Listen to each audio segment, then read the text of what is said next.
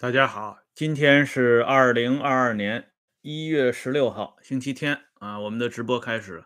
昨天的话题我们说到啊，这胡耀邦呢，在这个中央准备增选三个政治局委员这件事情上呢，对王震进入到高层表示不同的看法。呃，这件事情呢，是原来担任过中央党校。第一副教育长吴江先生晚年写的回忆录当中披露出来的。嗯，一九八五年的时候啊，曾经在这个呃国民党的报纸啊担任过这个负责人之一的这个陆坑啊，他到这个北京呢来采访这胡耀邦。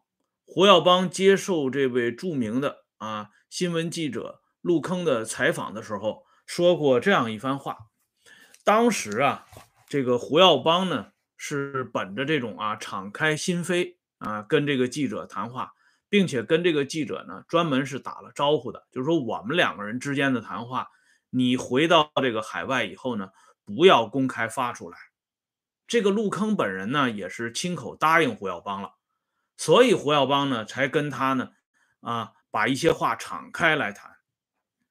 其中就谈到这个他和王震之间的关系啊，这个陆坑啊，呃，知道这胡耀邦和王震两个人是湖南的大同乡兼小同乡，就是说不仅是啊湖南省人士，同时呢还都是浏阳县出生的。其中呢，这个王震他是在浏阳县啊北胜仓乡马贵桥村。出生的啊，所以当时呢，一般称他为北乡的。而胡耀邦呢，是生在湖南省浏阳县中和乡的。哎，这胡耀邦家里呢，这个对面还有一个小山峰，叫笔架山啊。这名字呢，跟这个北边的锦州的那个笔架山和南边的深圳的那个笔架山名字是一模一样。看来呢，中国叫笔架山的地方还特别的多啊。呃，所以他们两个人的这个乡呢，叫南乡和北乡。王振是北乡，南呃胡耀邦呢是南乡，啊，因此啊，这个陆坑当时说了一句话，他说你这是南北呼应。胡耀邦呢也说了一句话，胡耀邦说也可能是南辕北辙。本来这陆坑呢是答应了，呃胡耀邦这番话呢是不会公开发出来的。结果这陆坑后来啊没有信守承诺，把他与胡耀邦之间的谈话一下子给搞了出来啊！因为这个陆坑的身份以及陆坑所在的这个地方，把这些东西啊一下子讲出来之后，马上就引起中央高层的反感啊，刺激了高层，实际上就是加速了对胡耀邦的这个。围堵啊，并且呢，可以说是间接的导致了胡耀邦的提前下台。应该说这是一个导火索啊。当然，导火索有好几种，这个是其中一个威力比较大的。哎，因为这王震这个人啊，他是比较迷信的啊。有人呢曾经也给他算过命。王震的出生年月日很有意思啊，他是公元一九零八年四月十一号。这是公历的生日，他的阴历生日呢是清朝光绪三十四年农历三月十一号，所以说王震是占两个十一，用咱们今天的这个比较时髦的话讲，这叫双十一。哎，当时给他算命的人就说王震这个孩子呢，将来是非富即贵。哎，这王震家里人乐的是合不拢嘴。这件事情呢，经王震之口啊传播开来。他不说的话，谁知道，对吧？可是经这个胡耀邦一讲南辕北辙，这就等于说把他和王震之间的这种分歧，甚至可以说是中央高层之间的这种分歧，披露给外人了。这一向啊，咱们中国人讲家丑不可外扬，更何况这是事关中央高层的，这属于党和国家的机密。哎，你作为这个名义上的一把手。你公开向外边讲，这算是怎么回事呢？而且陆坑这个人的身份也比较可疑啊，他曾经给国民党服务过，这样一个身份忽明忽暗的人啊，采访你，你居然说这样的话，你还守不守规矩了？哎，这个，呃，乾隆皇帝那句话说的很好啊，本朝烈圣相垂啊，家法森严啊，这是大清朝，那这个共和国它也是国有国法，家有家规，不是？所以王震就抓住这一点。向中央告状说：“这胡耀邦同志啊，太不讲武德了啊！怎么样？怎么样？这件事情呢，给胡耀邦带来极大的麻烦。哎，陆坑这个人啊，确实比较坑人啊。这个名字呢，虽然是铿锵的铿，但是我更愿意把它说成啊，坑爹的坑啊。那么后来呢，胡耀邦对一个知情人啊，也是关系比较好的人啊，专门讲过他和王震在。十一届三中全会前前后后的一段事情，因为当时中央已经决定啊，搞这个增补人员名单这件事情，说实话是违反党章的。但是邓小平这个人胆子非常大，他为什么胆子这么大？因为当时他跟陈陈云已经私下里联合好了，就是准备抓住中央工作会议这个机会，马上再搞一个大动作。这就是后边名闻遐迩的十一届三中全会。哎，大家看一下啊，凡是这个党的历史上非常有名的啊，这些带有转折点会议的，其实都是违反党章规定的。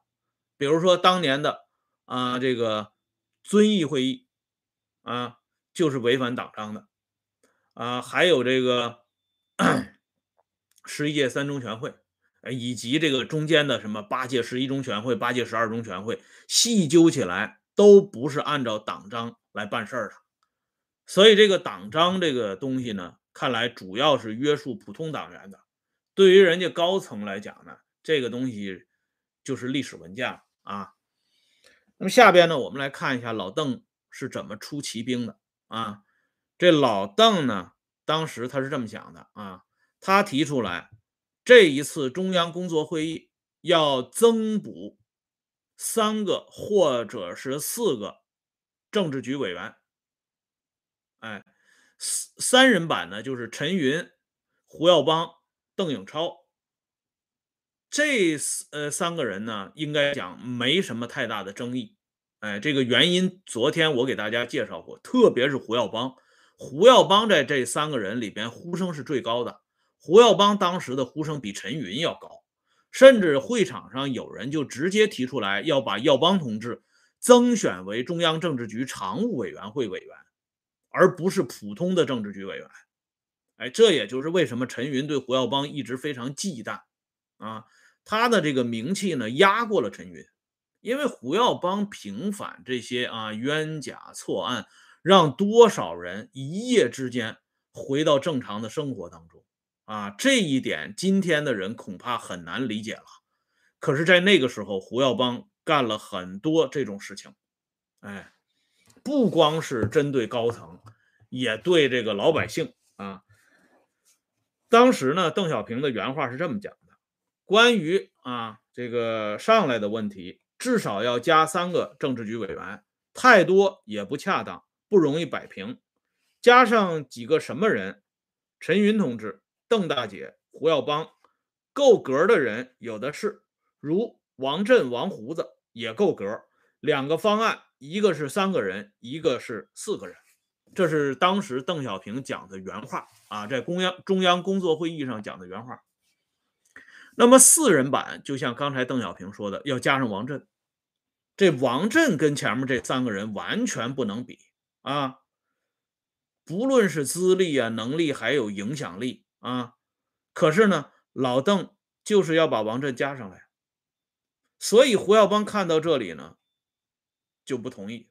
啊，其实胡耀邦对这次啊中央工作会议提出这种啊增补中央政治局甚至常委、中央副主席的这种做法，胡耀邦本人一开始就是不赞成的，因为他们当时要做的是一个拨乱反正的事情。说白了，就是大家要按规矩来办，要按照党章，要按照国法来办。你不能啊，还是打这种擦边球，还是用违反规定的做法来推翻现有的规定。那我们不跟他们是一样的吗？党章规定，中央全会是不能啊增选中央委员的，只有党的全国代表大会啊，或者是党的全国代表会议才有资格选举或者是啊降补罢免中央委员。哎，这是规定啊，从这个党党章。建立起来的那一天，这就是规定。但是历史上这个规定多次被破除过，包括这个草地会师的时候，因为张国焘红四方面军的压力，啊，也被迫由中央政治局出面增选了陈昌浩、周纯全等人为中央政治局啊委员、候补委员，增选徐向前他们为中央委员，啊，这就是早就已经打破过。而邓这个时候呢，更倾向于毛的做法，在中央工作会议上突然发难，让大家措手不及啊！大家注意一下啊，毛泽东在这个党的第八次全国代表大会和党的八大二次会议之后，长达十多年的时间，不再召开党的全国代表大会，而一直呢拼命的用中央工作会议啊来取代中央全会。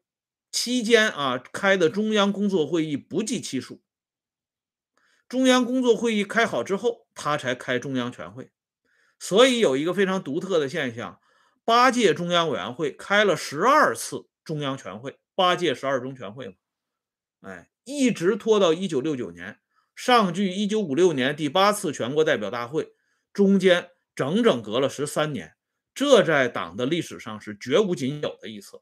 但是毛呢就敢做这个初一，既然毛做了初一，他的得意门生邓小平就敢做十五，哎，这哥俩啊非常厉害。这样的话呢，呃，大家呢，呃，就按照邓小平的意见来进行表决。可是胡耀邦提出看法，胡耀邦给中央高层啊提了一个建议，就是说王震同志这个人的作风。不适合进入中央政治局。哎，这个胡耀邦的话说的已经是非常的这个委婉了。哎，胡耀邦为什么能提出王震的这种工作作风不适合进入中央政治局呢？这个说法来自于两个人，最早是来自于咱们那位著名的国际共产主义战士啊，这个。毛泽东的老三篇里边，其中有一篇叫《纪念白求恩》，就是这个文章的主角白求恩。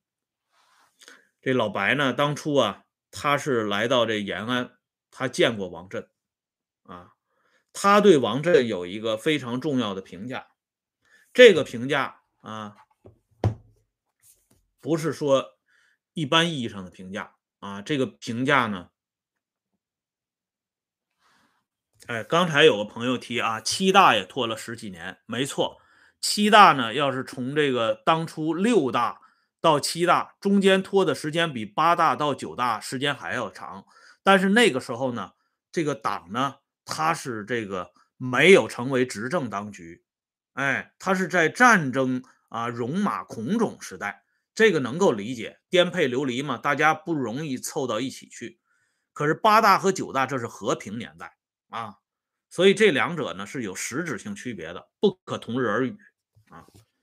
王震当初呢对这个啊手底下的这个人的作风，让白求恩特别的不满意。这段话呢是薄一波当年回忆王震时候专门提到的。呃，一九九七年三月份的时候，这个时候距离王震啊死了已经好几年了。啊，王震死了以后呢，薄一波没有马上发表文章纪念王震，啊，他是隔了三四年以后，他同一些人，包括王震的秘书这些人在一起呢，用畅谈的方式回忆王震。这薄一波讲了大概是四个小时，非常深情的回忆了王震，而且他回忆王震的这个东西呢，没有发表在人民日报上。因为当时《人民日报》呢奉命啊约这个薄一波写一篇文章回忆王震，这个字数呢大概是定在两千字左右。这薄一波认为这么点字数不足以啊表明他对王震的这种感情，也不足以表达啊这个历史对王震的评价，所以后来他专门花了四个小时的时间啊来谈这个王震。这个谈话记录呢没有公开发表，后来到薄一波啊这个晚年之后啊，编了一本《领袖元帅与战友》这本书里边。把这个薄一波当年对王震的这个谈话记录啊给收录进来。这个书是二零零二年三月份啊通过人民出版社第一次啊出版跟大家见面的。薄一波写的这本《领袖元帅和战友》啊，他这个回忆这些高层领导人，这个排名是非常严格的。毛泽东、邓小平、陈云还有元帅啊。高级领导人、上将，这是按照严格的这个级别来划分的。尽管如此，他对王震的这个回忆啊，也是非常的，呃，篇幅也是非常大。从这个目录里边就可以看到，他缅怀王震呢，这个整整花了十五页，十五页啊，啊，大家想一想，这个分量是不低的，哎，那么。他在回忆王震的时候，就讲到白求恩对王震的一个评价了。白求恩说的这个话呢，是这么说的：说你们这个王震领导下的这个三五九旅干部负伤过多，根子就在你这个旅长王震身上。你喜欢带头冲锋上阵，这样的话呢，就让底下人伤亡过大。由于这个呢是薄一波的回忆啊，他当然对这个白求恩当年评价王震，他要有一个选取啊啊，有些话就不以广大人民来看了。不过呢，咱们说这种公开史料确实很有意思啊，就算你通篇都在撒谎，你也肯定有一个谎是撒不全的，盖不住的。恰恰是薄一波的这个公开回忆王震，让我们看到作为一个外来户啊，白求恩作为一个旁观者，他对王震的工作作风的细致的观察。哎，这个王震这个人啊，打仗不惜命，这一点啊，猛听起来大家觉得军人不怕死吗？啊，这个冲锋打仗哪有不死人的？哎，而且人家王震是这个。呃，带头冲锋，起了表率的作用，哎，但是这个话不是这么讲的。我们知道，另外一位非常有名的军事家，他的名字叫刘伯承。刘伯承经常讲的一句俗话啊，也是老百姓经常讲的：“慈不掌兵，义不理财。”啊，这八个字在民间传颂的很广。哎，什么叫慈不掌兵啊？就是说，你心慈手软，你不能带军队。哎，军队嘛，对吧？那一旦打起仗来，伤亡必然是难免的。可是刘伯承虽然啊是死人堆里爬出来的，人家当年血战四川的时候，川中名将，人一个眼珠子留在那里了啊。说实话，他负的这个伤，别说在十个元帅里，就包括十个大将里边，那也是首屈一指的。哎。但是刘伯承反对什么呢？反对蛮干，反对武断，反对粗暴。他说呀，这些年轻的后生，指他手下的这些啊干部战士，这些人都是家里的宝贝。哎，这些人如果不善于使用，一旦折在战场上，那不是一个人哭啊，那是一家哭啊。哎。所以，这个当时的开国少将肖永银，他就非常深刻的啊记住这个刘伯承当时的讲话。刘伯承提出来，平时练兵多流汗，让这个士兵呢多吃点苦，所以战时呢就少流血。我们战争是为了有力的消灭敌人，而不是大量的把我们自己的人。啊，填充到战场的这个万人坑里边。哎，刘伯承是这个观点。所以这个杜甫当年的前出塞里边不是有那句话吗？“苟能制寝陵，乞债多杀生。”哎，战争是免不了要死人的，但尽量要避免少死人。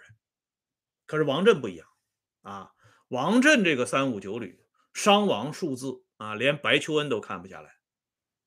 这是胡耀邦受到第一个人的启示。那么第二个人的启示，就是伟大领袖了，就是毛泽东了。